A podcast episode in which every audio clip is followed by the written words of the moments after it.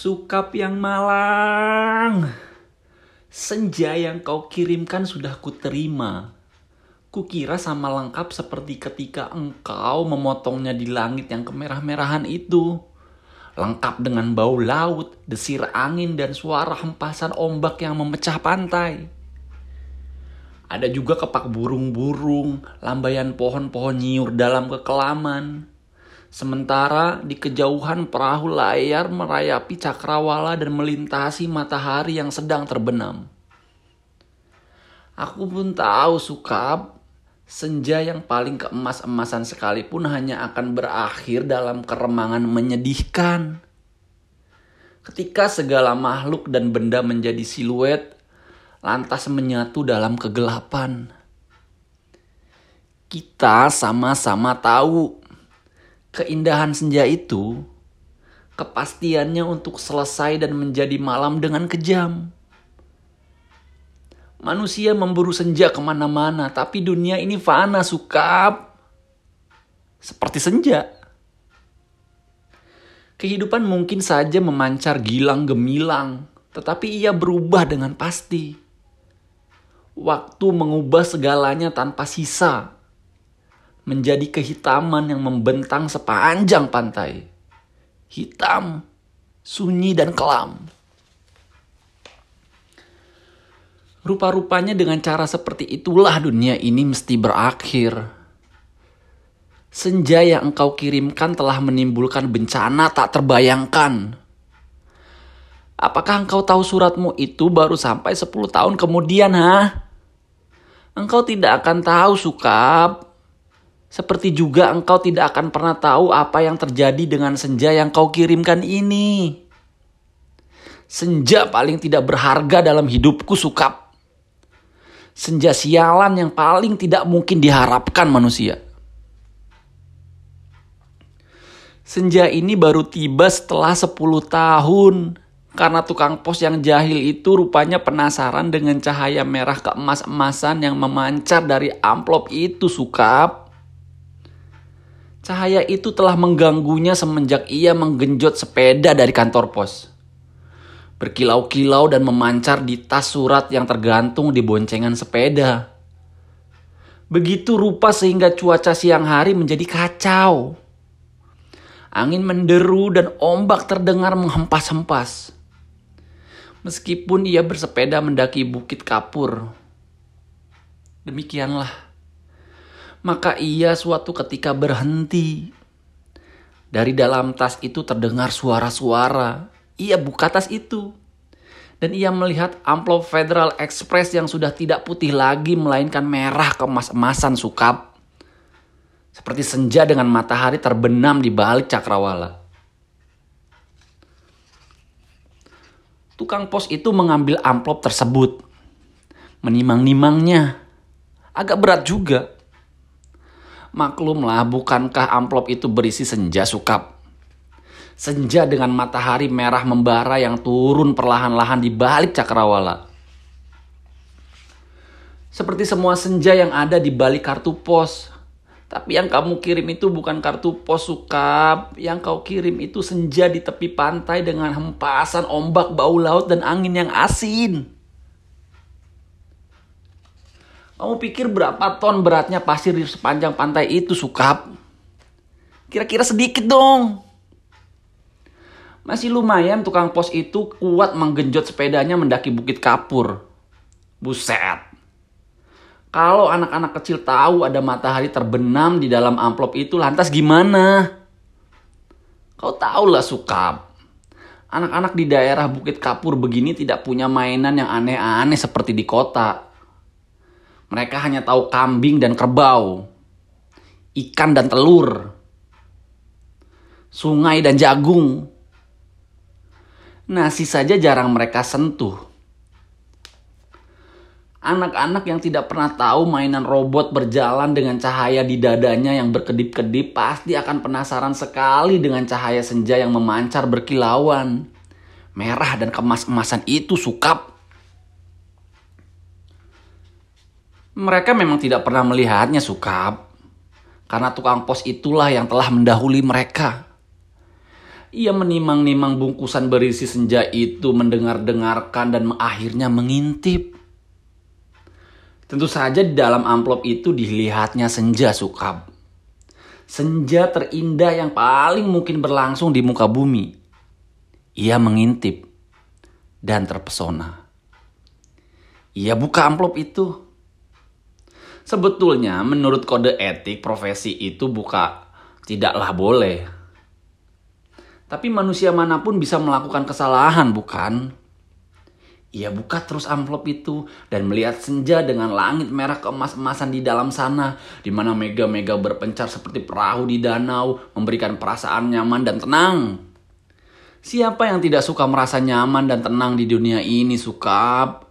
Di dunia yang sudah miskin masih bersimpah darah pula. Maka jangan salahkan tukang pos itu, Sukap. Jika ia kemudian menjadi begitu penasaran dan memasuki senja yang terbentang, tidak ada yang tahu apa nasib waktu. Ketika anak-anak akhirnya berkerumun di sekitar sepeda yang tergeletak itu, mereka hanya melihat cahaya senja kemerah-merahan yang semburat membakar langit. Amplop itu hanya bocor sedikit, tapi akibatnya sudah begitu rupa. Ini semua gara-gara kamu, Sukap. Sukap yang malang, bodoh dan tidak pakai otak. Sepuluh tahun lamanya tukang pos itu mengembara di dalam amplop. Kita tidak pernah tahu apa yang dilakukannya di sana. Apakah dia kawin, beranak pinak, dan berbahagia? Atau selama itu dia hanya duduk-duduk saja memandang matahari terbenam dengan perasaan kehilangan. Sementara langit yang tadinya merah keemas-emasan perlahan-lahan menggelap ke biru-biruan. Aku juga tidak tahu bagaimana caranya menikmati senja di amplop sukap. Sebuah ruang yang sungguh-sungguh terdiri dari waktu. Apakah waktu bisa diulang atau bagaimana? Aku belum pernah memasuki senja di dalam amplop. Atau apakah di dunia ini sebetulnya seperti amplop ya sukap? Di mana kita tidak tahu apa yang berada di luar diri kita. Di mana kita merasa hidup dengan makna padahal yang menonton kita tertawa-tawa sambil berkata, kasihan betul manusia. Apakah begitu sukap? Kamu yang suka berhayal barangkali tahu. Tapi aku tidak mau hayalan. Aku tidak mau kira-kira. Meskipun usaha kira-kira itu begitu canggihnya sehingga disebut ilmiah. Aku mau tahu yang sebenarnya. Apakah ada yang menyaksikan kita sambil tertawa-tawa? Kalau iya, apalah artinya hidup kita ini, Sukap? Tidakkah nasib manusia memang seperti ikan yang diternakan hanya untuk mengisi akuarium di ruang tamu seseorang yang barangkali juga tidak terlalu peduli makna kehidupan ikan-ikan itu. Aku tidak pernah tahu, tidak ada seorang pun yang tahu apa yang dialami tukang pos itu di dalam amplop. Sampai ia keluar 10 tahun kemudian dengan wajah bahagia. Ia sudah 10 tahun menghilang di dalam amplop. Tapi ia tidak tampak bertambah tua. Apakah waktu di dalam amplop tidak bergerak? Tepatnya, apakah senja di dalam amplop itu tidak berhubungan dengan waktu? Apakah tidak ada waktu di dalam amplop Federal Express itu? Apakah aku harus peduli dengan semua ini, Sukap? Apakah aku harus peduli?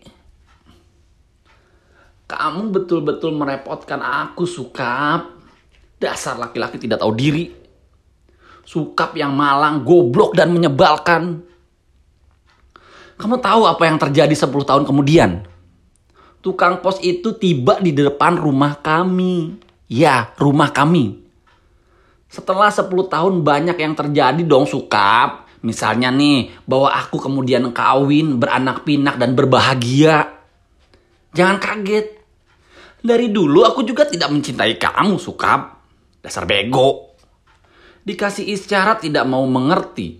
Sekali lagi, aku tidak mencintaimu. Kalau aku toh kelihatan baik selama ini padamu, terus terang harus kukatakan sekarang. Sebetulnya aku cuma kasihan. Terus terang aku kasihan pada kamu, Sukab. Mencintai begitu rupa tapi tidak tahu yang kamu cintai sebetulnya tidak mencintai kamu.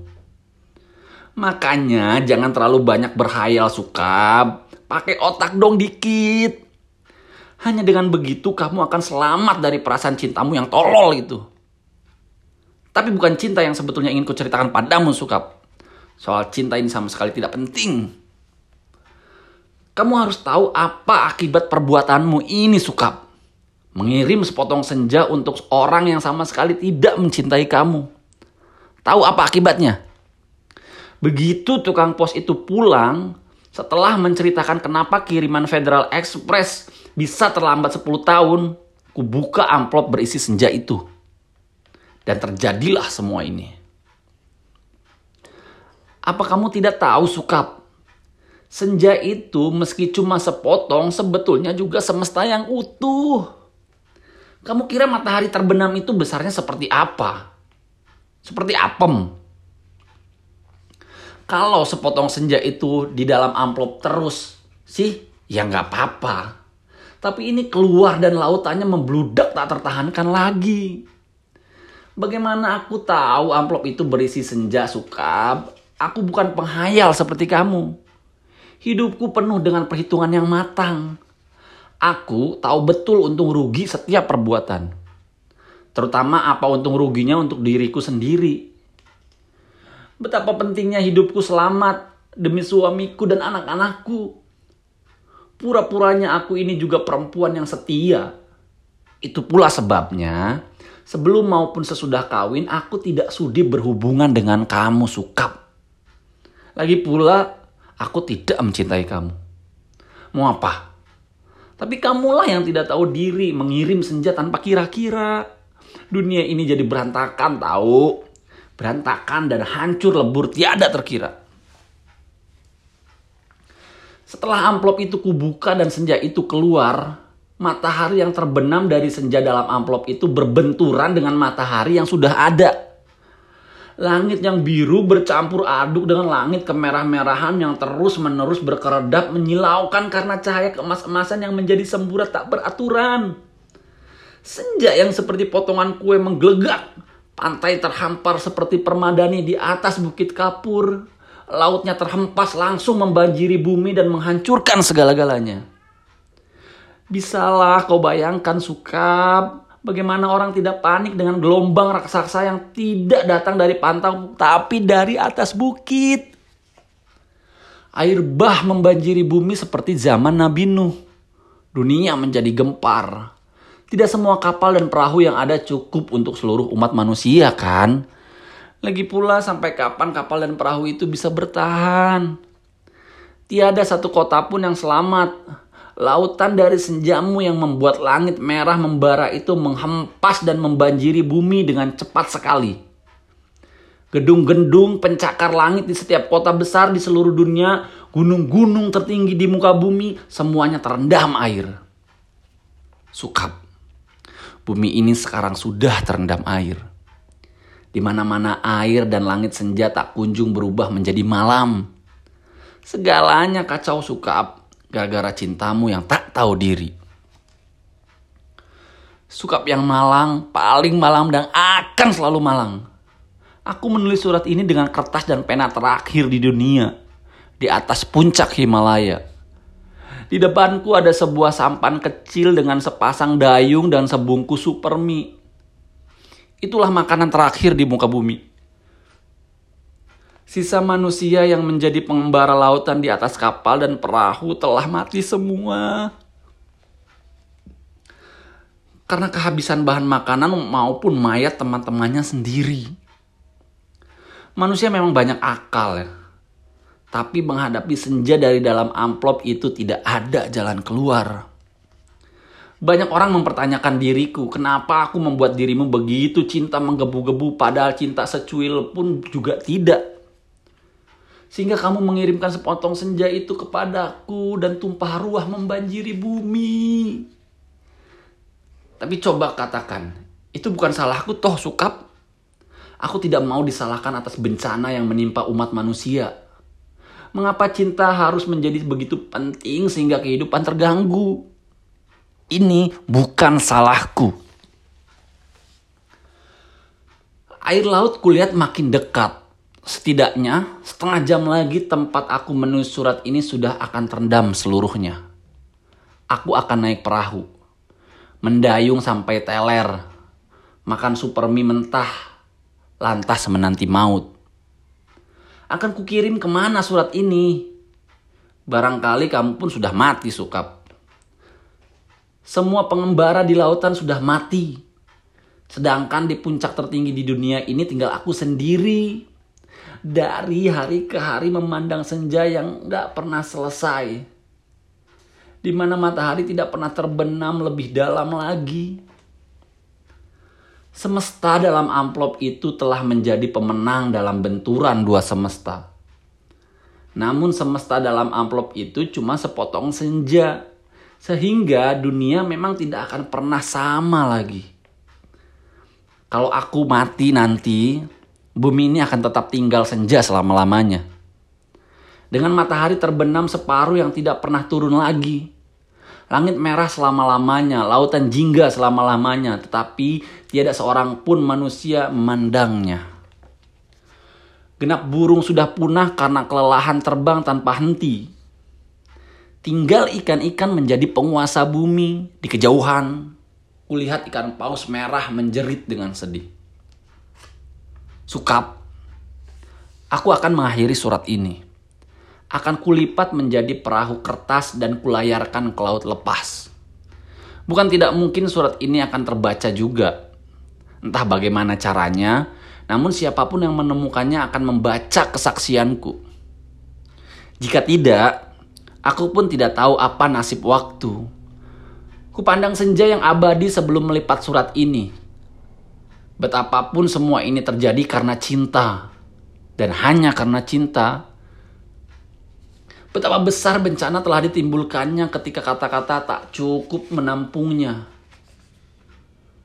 Kutatap senja itu. Masih selalu begitu. Seperti menjanjikan sesuatu perpisahan yang sendu. Selamat berpisah semuanya. Selamat tinggal. Alina